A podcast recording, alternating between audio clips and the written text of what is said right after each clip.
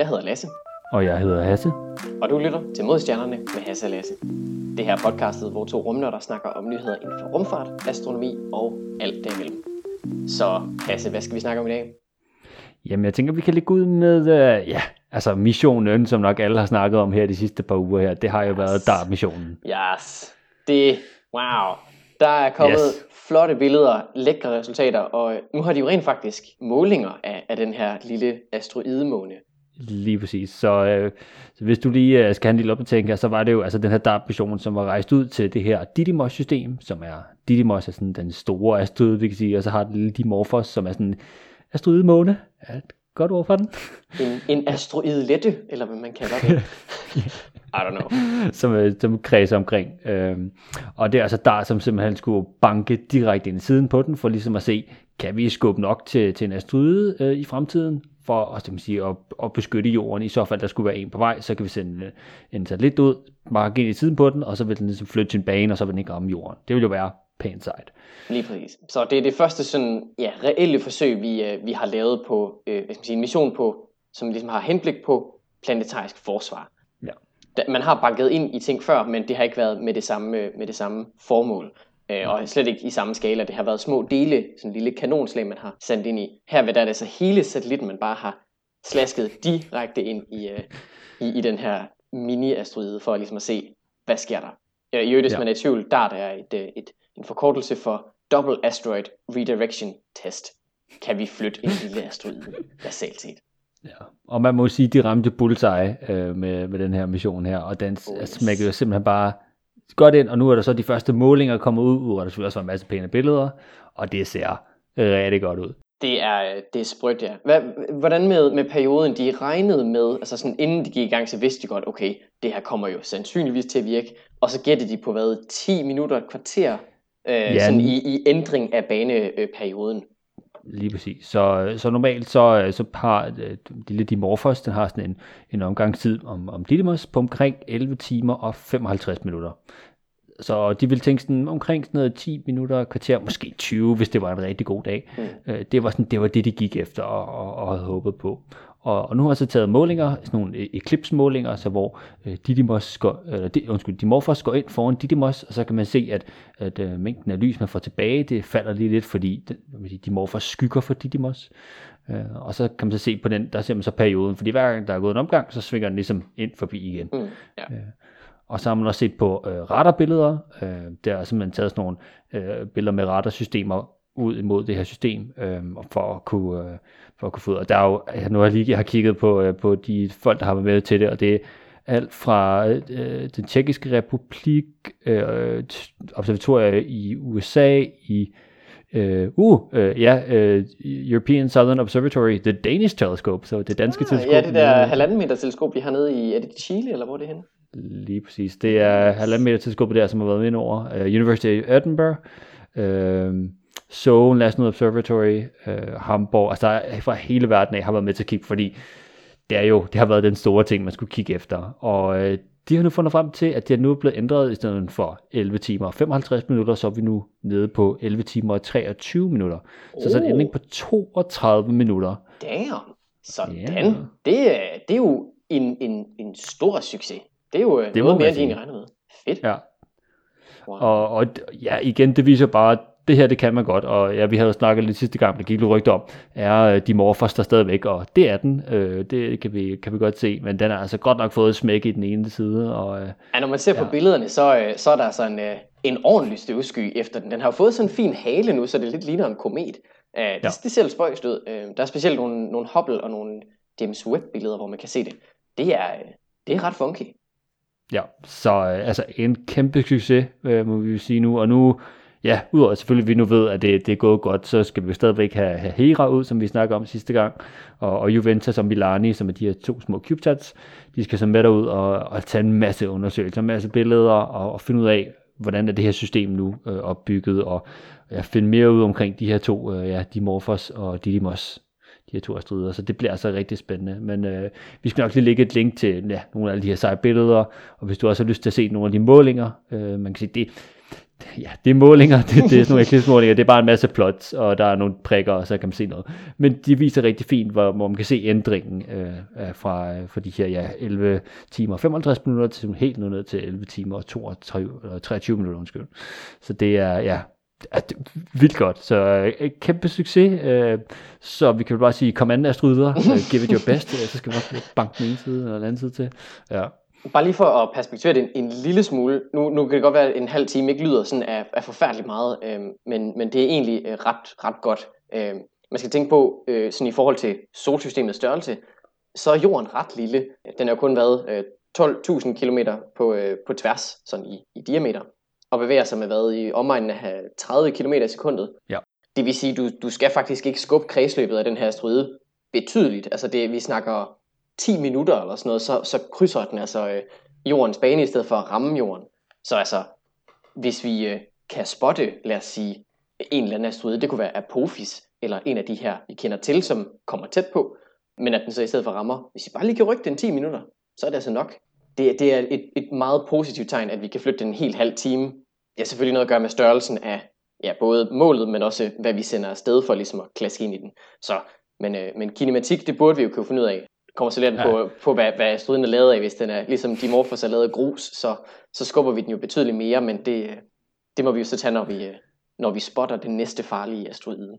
Ja, en, en god analogi vil jo være, at man tænker, at det er sådan to uh, billiardkugler, der støder sammen. Men de her ja. billiardkugler, de er ikke lige, de er ikke lavet det samme, skal vi sige det sådan. Ja, det er lidt, øh, ja, skyde, skyde havlgevær efter, øh, efter en bil, det er ikke så effektivt, men, øh, Nej, men, men øh, ja. du skal bare bremse den en my, og så er det nok. Så, øh, ja.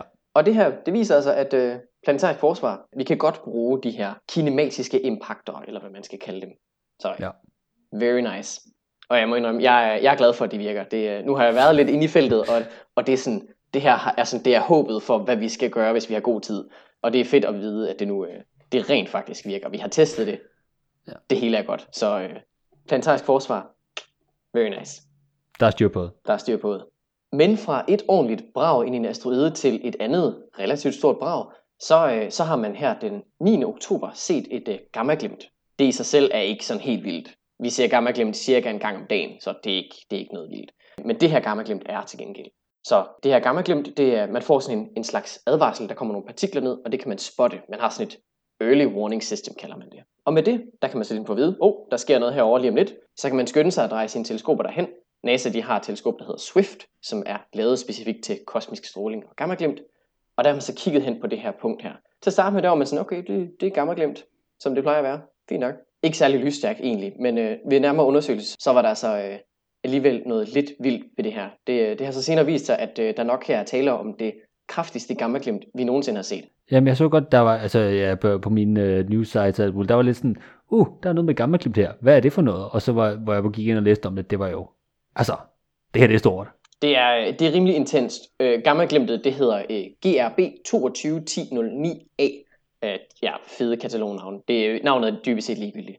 Det, er, det fandt sted på den sydlige øh, himmelhalvkugle i stjernebilledet Pilen, og, øh, og der har man så set øh, den her, øh, det her glimt her. Normalt så var sådan et glimt sted mellem lidt under et sekund og op mod et minut eller to. Øh, det kommer lidt an på den proces, der skaber det. Det er tit supernovaer, øh, så de her meget kraftige eksplosioner.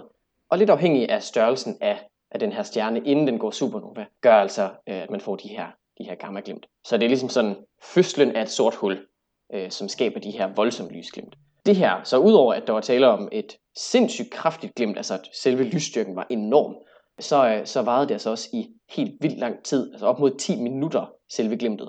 Ja, det er altså, altså vanvittigt. Altså også fordi det, det er jo gamma-glimt. Det er altså energier, som er vanvittigt kraftige, og det så bliver ved i så lang tid. Jeg man sige, det er jo en supernova, så normalt sådan en eksplosion, jeg vil ikke sige, at den går hurtigt, men som de andre normale gamma glimt, så er vi altså på øh, et sekund omkring måske maks et minut. Altså det, øh, det, det er der, vi er. Og hvis du kan give så meget energi ud over så lang en periode, så har det været en altså, kæmpemæssig eksplosion. Det har været relativt intenst lidt unikt ved den her, det er også, at den, den er ret tæt på. Det er ikke det, den, det nærmeste gammaglimt, vi har set. Nu her, der er den 2,4 milliarder lysår fra os. Da det blev sendt ud, var den kun 1,9. I, I ved, universet udvider sig. Men, så det er altså relativt tæt på sådan i, i det kosmiske perspektiv. Men det er altså øh, relativt unikt det her. bare lige sådan, så I kan få en idé om, om lysstyrken, så, så målte man i, øh, i Kina, der har man et observatorie øh, til at måle kosmiske stråler og, og de her gammaglimt her, der hedder LHAASO, Large High Altitude Air Shower Observatory, som basalt set måler, de måler de fotoner, som rammer atmosfæren, og så kommer der sådan en, ja, et brusebad af partikler. Der kan man med det, der kan man måle øh, energien af de her fotoner her. Der har man altså målt nogle, nogle fotoner med energier op mod 18 tera elektronvolt. Altså 18 med 12 nuller efter. Ja, og øh, elektronvolt er jo en enhed, som jo kun også fysikere og astronomer bruger, fordi det er en mærkelig enhed, der ja. er meget, meget, meget, meget lille. En, en elektronvolt er en meget lille energi, men når man så kommer op i mega, er det altså stadig en ret lille øh, mængde energi, men for atomer er det meget. Hvis vi vil have det i lidt mere sådan relaterbare enheder, så er det lige under 3 mikrojoule. Øh, og det lyder jo heller ikke af synderlig meget. Altså joule, det er, det er ikke så meget. Men I skal lige tænke over, at altså, det er hver foton, Altså det, det er en enkelt lille foton, der har lige sådan under 3 mikrojoule energi. Det er sindssygt meget. Ja, hvis man øh, mangler lidt også, jeg ved godt, det er ikke et øh, fantastisk analogi, men øh, til de måske de unge mennesker, som har begivet sig lidt ind i det her airsoft-verden, altså de her små øh, håndholdte pistoler, der skyder med sådan nogle små plastikkugler, de kan skyde cirka 1 joule afsted. Det er altså en kugle på omkring 6-7 mm i diameter, som er lavet af plastik. Det her, det er altså en foton, man ikke forstår, hvor lille er, som har altså i omegnen af mikrojoule energi. Altså det hvis du bare kunne tage en million af dem, så er du oppe i en joule. Det og så er, er du nok... vanvittigt. Ja, det er fuldstændig vanvittigt. Ja. Det er, det er voldsomt. Øh, ja. Hvis man vil have sådan uh, til sammenligning her på jorden, det mest energirige vi kan lave, uh, det er en kollision nede ved Large Hadron Collider nede ved CERN. Uh, der kan man få partikler til at bevæge sig med uh, 6,5 tera elektronvolt. Og det kan man så i hvad skal man sige, modsatte retninger, og så kan man kollidere dem, så de kolliderer med ja, 13 tera elektronvolt. Her er der tale om 18, og det er ja. så ja, naturligt, at det bare bliver skabt. Hvis man vil have en anden, øh, nu, nu havde Hasse lige sin, øh, sin airsoft-analogi, øh, øh, bare til sammenligning, så er det øh, 18 gange den øh, kinetiske energi, en myg har, når den flyver rundt. Bare sådan i rundetal. Så hvis man kan forestille sig, hvor, hvor, hvor meget, øh, hvor, altså en, en myg, der flyver ind, ind på din hud, hvordan det vil føles 18 gange kraftigere end det, har en foton i det her tilfælde. Det er, det er absurd. Det er vanvittigt. Ja. Altså sådan normal, normal energi er slet ikke op i det her. Det er, det er fuldstændig vanvittigt. Og, og heldigvis så er, selvom vi siger det, at de kommer cirka en gang om dagen, så er det, de fleste bliver ikke, altså selv hvis nogle gange så bliver de her gamma glimt sådan, man sige, i en form for stråle, så i, i stedet for at det bliver spredt ud i flere retninger, så bliver det sådan, hvad man sige, hvad man sige, kommer ud i en mere kraftig retning, så det kun kommer ud en, og så, og så altså de her gamma glimt, hvis jorden skulle ligge i sådan en, jeg må sige, lige den retning, hvor hvad man sige, al strålingen bliver koncentreret hen imod, så er der ikke så meget jord tilbage bagefter. Øh, skal vi ikke bare sige det sådan? Ja. Det, der, der, der bliver man ristet. Ja. Til gengæld vil man så også næsten dø med lysets hastighed, så det, det er ikke så kritisk. Uh, ja, det var... Men, men med de her næsten 2 milliarder lysår, så er det langt nok væk til, at det ikke vil gøre, gøre noget. Så, så ja ingen, øh, ingen risiko øh, lige fra den her i hvert fald. Øh, Nej. Men, øh, men det er stadig et, øh, et interessant fænomen, og det er nok en af de der sådan, masseudryddelses øh, muligheder. Det er sådan lidt øh, dommedagsagtigt, man ved. Ja. ja. Ja, men selvfølgelig, ja, som du siger, det er jo ikke, altså, når der er så langt imellem, så man siger, lyset bliver jo, som, hvis det bliver spredt ud over en, en, større areal, så får vi jo kun en lille bitte del af det, og så er det, så er det helt okay. Men det, det er jo mere, at hvis, i princippet, hvis der nu lå en exoplanet i nærheden i godsøjne, øh, så vil man altså være på den. Ja, det, øh, det vil ikke være sjovt at være der i hvert fald. Lad os, øh, lad os sige det på den måde. Nu her, der kan man så, øh, her efter det her gamma glimt ligesom er stoppet, så kan man se, det er den supernova, der ligesom har forsaget det. Den kommer ligesom sådan lidt efterfølgende. Øhm, og den kan man så faktisk øh, se nu her. Øhm, den ligger på himlen, sådan så James Webb godt kan se den. Problemet er, at, at med jordens kredsløb, så kommer vi til at være på den anden side af, af solen i forhold til. Så vi kan se den indtil en gang i november, tror jeg, sådan midt, slut november, øh, og så forsvinder den altså, men så en gang i februar, så kommer den til syne igen. Så okay. planen er, at man til den tid skal, skal kigge lidt på den med James Webb, for ligesom at se, øh, de her supernovaer plejer at være ret interessante med, øh, med henfaldet af jern 56, som er en radioaktivt isotop, som driver lyset, øh, ligesom sørger for, at der rent faktisk er lys i den her. Noget af det vil, øh, vil være lidt sjovt at, at se på James Webb, for ligesom at, at få nogle målinger. Bare for at se, sådan, øh, hvor godt kan Webb klare sig ved supernovaer, fordi det har vi ikke prøvet endnu. Ja, det, det kunne være ret specielt, og jeg, selvom det, som du siger, det bliver en gang til februar, som, som om et par måneder, så ja, så vil lyset falde lige så stille øh, henover, på grund af, at ja, der er de her isotoper, som du nævner, som er så forskellige, hvad man siger, arter af jern, hvis man kan sige det sådan, med forskellige antal neutroner, og så, som, som lad mig sige, bliver ved med at, at, at levere lys hen over de her stykke tid. Så det er, ja, det er noget, man kender fra mange supernovae. Der er forskellige grundstoffer, der leverer forskellige øh, slags lys hen over de forskellige dage. Men ja, det ser vi altså frem til, fordi med, altså hvor godt Webb har klaret det indtil videre. Vi kommer tilbage her senere i, i afsnittet, der er lækre billeder. Så øh, det, det skal nok blive rigtig godt. Det bliver fedt. Vi glæder os til at, øh, at se nogle, nogle billeder af det. Der er jo også ja. øh, et par observationer fra, fra Swift, hvor man kan se sådan nogle, øh, nogle funky ringe rundt om. Det ser meget sejt ud. Uh, det kan være, at vi lige ligger et billede i noterne, så kan folk lige se sådan lidt af det cool ting. Yes. Men øh, fra en kæmpe stor stjerne til en anden lidt mindre stjerne, øh, sådan en menneskestørrelse, som vi nu er kommet ned igen, det er nemlig Samantha Christopher Reddy, som har været næsten 180 dage i rummet, så næsten de her 6 måneder. Og nu er hun altså nede på jorden igen, øh, efter hendes øh, Minerva-mission nu er slut. Hun tog en lille tur ned sammen med Kjell Lindgren, øh, Bob Hines og Jessica Watkins, som er amerikanske astronauter. Så tog de en tur med, øh, med SpaceX, øh, deres Crew Dragon, og så landede de her lige vandet ud fra Florida, og kom så ned og øh, kom ned på jorden igen efter de her, ja, hun har været 170 dage, fik hun øh, op her den her gang. Det gør en, ja, og fik lavet sindssygt meget. Hun var jo lige en kort overgang lige inden, var hun lige uh, commander her på, på ISS. Ja, hun var lige uh, kommandør i, hvad, en måneds tid eller noget? Ja, sådan tre ugers tid, ja.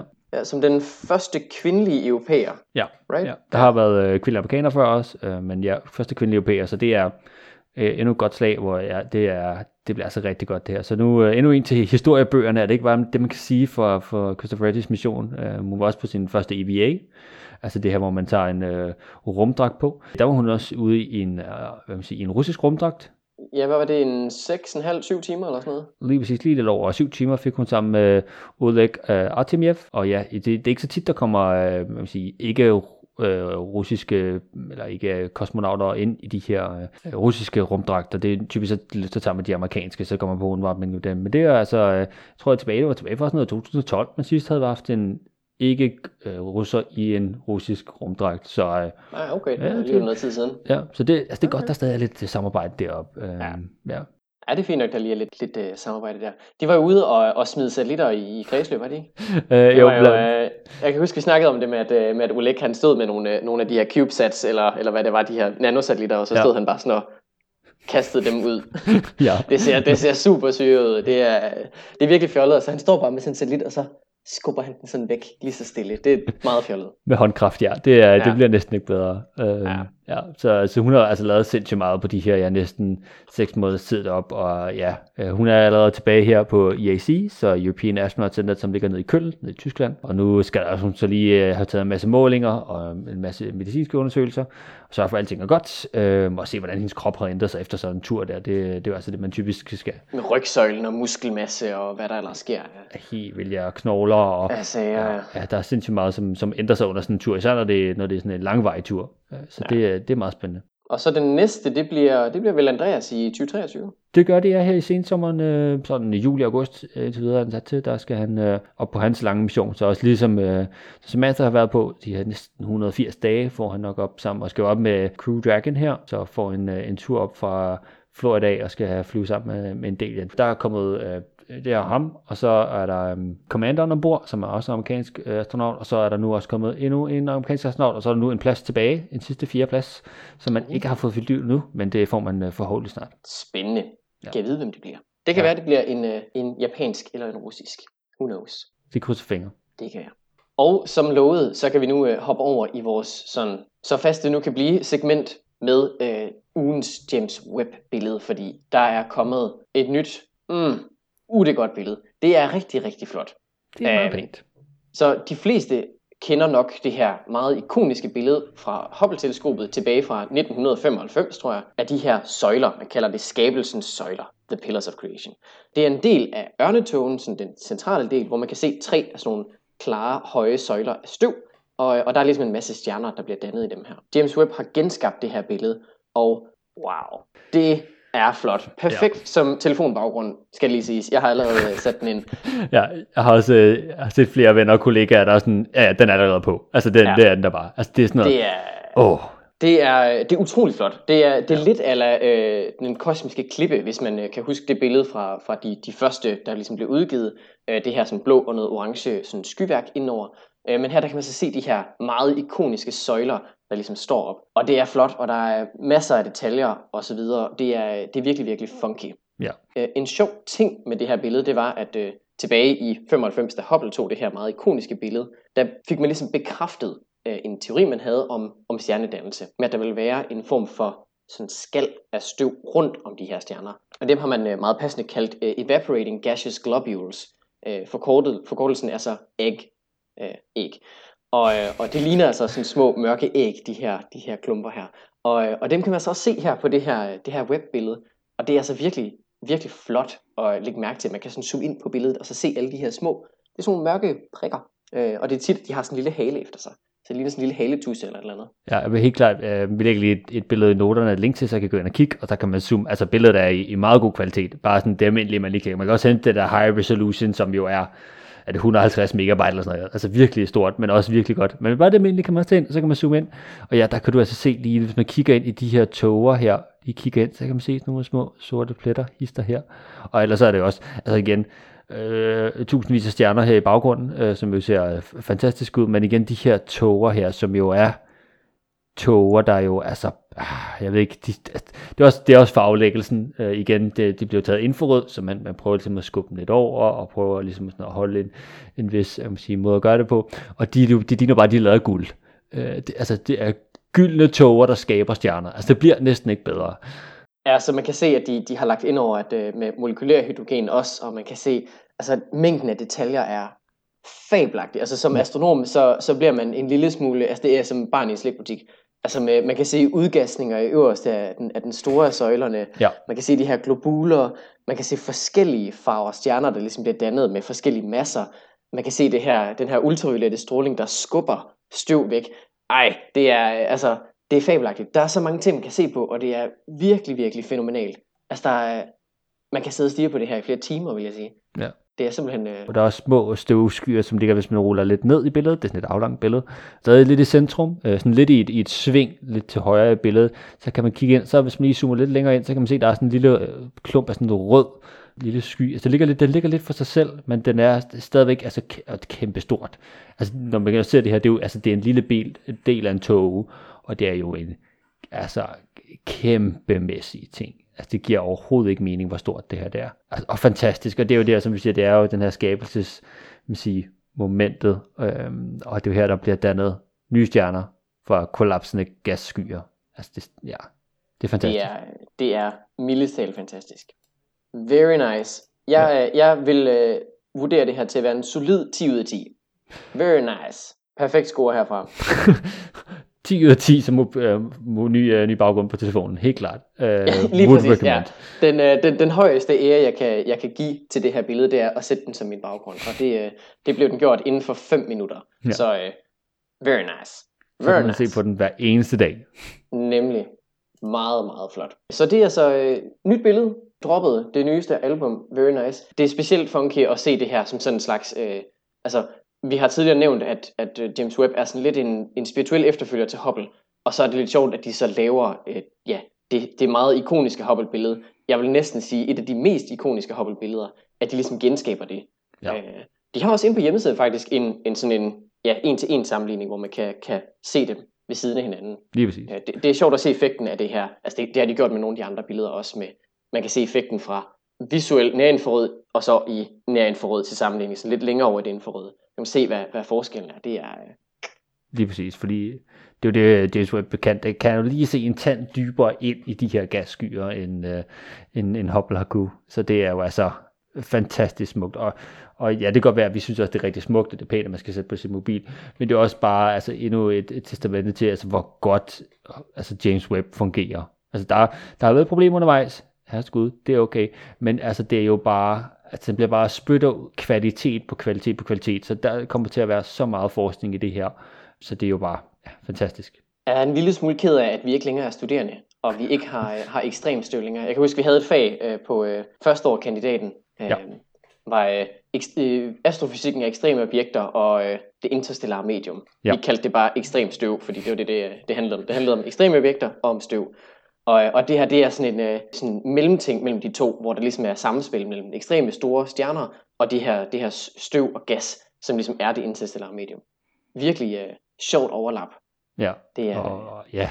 Og, og det, det, det er et godt startpunkt, for du kan forklare så mange forskellige koncepter, som du siger. Der er stjernedannelse, hvordan tåger er. Øh, der er de nye stjerner, hvordan stjerner kommer til at brænde, især de store øh, nye Mm. stjerner, de brænder meget hårdt og sådan næsten blåligt ja. i deres lys. Ja. Øhm, og så nu også de her, altså, ja, øh, teorien om, hvordan de her æggeskaller, man kan sige den sådan, så, så når skyen har kollapset ned, så er der efterlader den et form for tomrum, og så har du sådan et æg, der nærmest ligger omkring, øhm, og det er, ja, ja, ja men det er bare Okay. godt. Det er, øh, det er fabelagtigt. Det er virkelig nice. Skynd jer ind og kig på det, før jeres naboer. Skønt. Ja. Nå. Og så øh, kan vi måske hoppe over fra ja, det her super lækre billede til forhåbentlig et godt billede, du kan tage i næste uge. Så øh, er der nemlig en delvis solformørkelse på vej øh, her den 25. oktober, så i hvert fald i en stund, så er det i næste uge. Vi skynder os alt, hvad vi kan med at få det her afsnit ud, så vi kan, så vi kan nå at lige få en opdatering på det. Men øh, den 25. oktober, øh, der skal I cirka med på dagen, der kan man altså se en solformørkelse. Den er godt nok kun delvis, men stadig. Og den kan ses fra Danmark af, og det er jo det vigtige. Øh, den er faktisk bedre i Danmark, end den er i Holland. Så vi sidder hernede i Holland også to, og vi er lidt sådan, nå, ja. Øh. Nej, ja, okay, fair nok. Det, Ja. øh, men i hvert fald, øh, her den 25. oktober, så kommer månen til ligesom at gå ind foran solens skive, og dække, når den i hvert fald er, er sådan på det allermeste, så det kommer til at dække omkring 35% af, af solens og, hvad man sige, lys, man kommer til at se her. Man vil ikke rigtig, sådan, hvis du kigger ud, så i det, sad og der i frokostpausen, kigger ud, så var det ikke sådan, at du lige pludselig sådan, alt lyset vil se ud som om, at din have har tænkt, hold fast, det går lige blive eftermiddag meget hurtigt. Øh, det er ikke helt sådan, det hænger sammen, og det er selvfølgelig også lidt kommer an på, om der er overskyder og alt muligt andet. Men altså, hvis du har et par solformørkelsesbriller, så vil jeg klart anbefale, at du lige i frokostpausen hopper ud øh, og lige tager et kig op mod solen. Det er altså bare øh, super lækkert. Og ellers så vil jeg øh, vil sige, klart anbefale, at du ikke tager solbriller på. Det er ikke godt nok. Øh, du skal have de her altså sådan nogle solfilter på. Du, øh, du skal have nogle specielle solformørkelsesbriller. Det kan man købe forskellige steder. Jeg ved, øh, der er for eksempel er det Science Museet i Aarhus på Aarhus Universitet de plejer at lave events i hvert fald. hvis du er på Sjælland og andre steder, google lige, om der er observatorier i nærheden, og så lige øh, tjekke, om der er, der, der, der er nok et typisk event. Så kan du komme ud og se, der har måske sættet et lille teleskop op, hvor du ligesom kan se meget tæt på. Øhm, og ja, det starter fra omkring øh, 5 minutter over 11, og så klokken 10 minutter over 12, der piker den, altså det er der, hvor den er allermest øh, man sige, dækket til af månen, øh, og så cirka en time efter, så er den så væk igen. Så det er lige hen over frokostpausen, så det passer meget fint. Jeg vil sige, jeg har prøvet med min telefon, Øh, nu, havde, jeg- nu havde jeg lige sat på sådan en lille tripod, men der har jeg sådan en telefotolinse, den kunne godt smide, øh, den har sådan noget 5x, og så digital man var op til sådan noget 10-20x, det går nok. Øhm, og så, par, så lagde jeg lige øh, solbrille, eller det der, øh, hvad hedder det, hen over kameralinsen, fordi så er det okay. Ja, okay, jeg skulle lige så sige, du skal ikke, du skal ikke bare tage et billede af solen. Det, nej, det er en dårlig idé. Det, det tror jeg ikke, din, øh, din, din detektor kan holde til. Men ja, okay. Øh, så smider man lige solformørkelsesbrillerne hen over detektoren, så er det okay. Øh, og så kunne, man, så, kunne man, så kunne jeg fint tage et billede. Øh, det er sådan, også det er en rimelig moderne telefon, men altså, hvis man har en okay telefon i dags, se om du lige kan smide den, og har en lille tripod, eller du kan få den til at ligge stille øh, sådan rimelig meget, og så zoome ind, og så bare selvfølgelig huske at have solformørkelsesbrillen hen over linsen. Øh, ja. Så kan du få taget et fint billede af, af månen, der så kan du se, at hvor meget den kommer til at dække ind over solen. Man vil virkelig kunne se sådan, okay, der er lige pludselig en måne ind foran. Alternativt, så kan man også lave en, øh, en sådan en, øh, en pinhole projector. Jeg ved ikke lige, hvordan man skal oversætte det. En, en nålehulsprojektor. Ja, Øh, med at man tager en, øh, en, en papkasse eller et eller andet, skærer et hul i, lægger et stykke øh, sølvpapir ind over, man lige taper fast, og så prikker et hul i det sølvpapir med en nål. Så kan man øh, faktisk se projektionen af solens overflade ind på, på den her kasse. Det hjælper lidt, hvis man har noget hvid papir på den, den overflade, man ligesom øh, rammer. Ja. Øh, vi kan lige lægge et link til en eller anden simpel guide, men øh, jeg, jeg lavede det til sidste solformørkelse, der var for ja, hvad er det, to år siden. Det, øh, det fungerede overraskende godt. Ja, og det, det er jo meget nemt, hvis man, altså mange har måske lige en papkasse, du kan godt lige øh, prikke et lille hul i den, og så kan du simpelthen bare pege den op, så den peger cirka mod solen, og så, øh, så vil du kunne se, altså inde i papkassen på den modsatte side, der vil du simpelthen kunne se den her sådan, ja, solens overflade. Øhm, så det er helt klart meget nemt, og, og, og i hvert fald værd at prøve, hvis man lige har en papkasse, så kan man lige hoppe ud i forespørgselen. Ja, det er, det, det, er, det er rimelig low cost øh, i forhold til sådan, øh, måske der det tager måske lidt tid, men altså, ja, det er, det er ikke så galt. Og i øvrigt, øh, bare lige øh, sådan, som, øh, som lille sådan reminder, øh, solformørkelser, de, øh, de kommer øh, sjældent alene. Det, der er altid en, en dertilhørende øh, måneformørkelse, som kommer et par uger senere. Øh, og den, der kommer nu her, det er den 8. november. Den kan vi så til gengæld på ingen måde se i Danmark. Eller okay, vi kan se den i kongeriget Danmark. Hvis du er på øh, Grønland, så kan du måske. Ja. Øh, måske ikke så sjovt for, for os her i Europa, men for, øh, for folk i øh, Amerika, der, der kommer man sandsynligvis til at se den. Eller hvis man er øh, i Japan. Hvis, man i, ja, hvis vi har lytter i Japan, øh, goddag. Ja. Øh, Ja, så, så kan I måske få noget at se der. Men Ja. altså, og ellers så skal du vente til 2026, som ja, det er jo ikke så langt endnu. Øh, der vil der være en total øh, sofamarked, som man kan se fra Spanien af, det nordlige Spanien.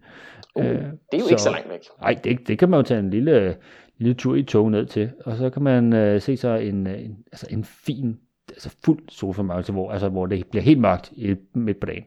Ej, og det er jo øh, midt august, 12. august til, til folk, der, er- der er Ja. interesseret her. Så når Øh, du alligevel ligger og daser, der er personer, der tænker, hov, hvor bliver min tan af? Kigger op, åh oh ja, den er væk. Åh, oh, delen. Ja, fedt. Lækkert. kommer, kommer Claire til rejseforeningen. Undskyld, jeg havde, Mm. havde håbet på, at der var rigtig meget sol. Øh, midt på dagen, ingen sol. Altså, hvad sker der? I, I sagde, der var solgaranti. Ja. Er der, har man rejseforsikring mod astronomiske øh, observationer og events? Jeg ved, man kan det. Jeg kan se, den, den kommer faktisk også til at krydse hen over Island, det vestlige Island. Mm. Vestlige Så, så, også, være, ja. Så hvis man er til, til Island i stedet for, så kan man også gøre det der. Ja, Nice. og, og ellers, øh, altså hvis man er i det sydlige Frankrig, så hjælper det også ret. Man kommer ikke helt, det kommer ikke til at være 100%, men det er sådan noget 90-80%. Så Det er, det er oplagt, men øh, en lille sommerferietur til Barcelona, der kommer den faktisk også til at krydse ind over. Ikke dårligt. super. Jamen, øh, jeg begynder at booke Ja. hotel, så finder du Jeg, flybilletter. lige, øh, jeg, jeg, jeg finder lige en flyafgang, der giver mening. Perfekt. Super. Det ordner vi lige. Jeg tror ikke, vi har så meget mere til jer den her gang, så jeg vil bare sige tak, fordi I lyttede med. Hvis I har ris, ros, ting vi skal snakke om, gode spørgsmål, billeder af øh, solformørkelser, I får taget, eller øh, hvis I har spottet Dimorphos med jeres øh, hjemmeteleskop, så øh, send billede til os på, øh, på mail eller jeres spørgsmål øh, på modstjernerne gmail.com. Selvfølgelig også øh, slide into DM's ind på Instagram, hvor du også øh, kan følge os derinde. Og, øh, og så kan du selvfølgelig po- følge podcastet på din yndlingspodcast tjeneste. Vi snakkes ved neste gang.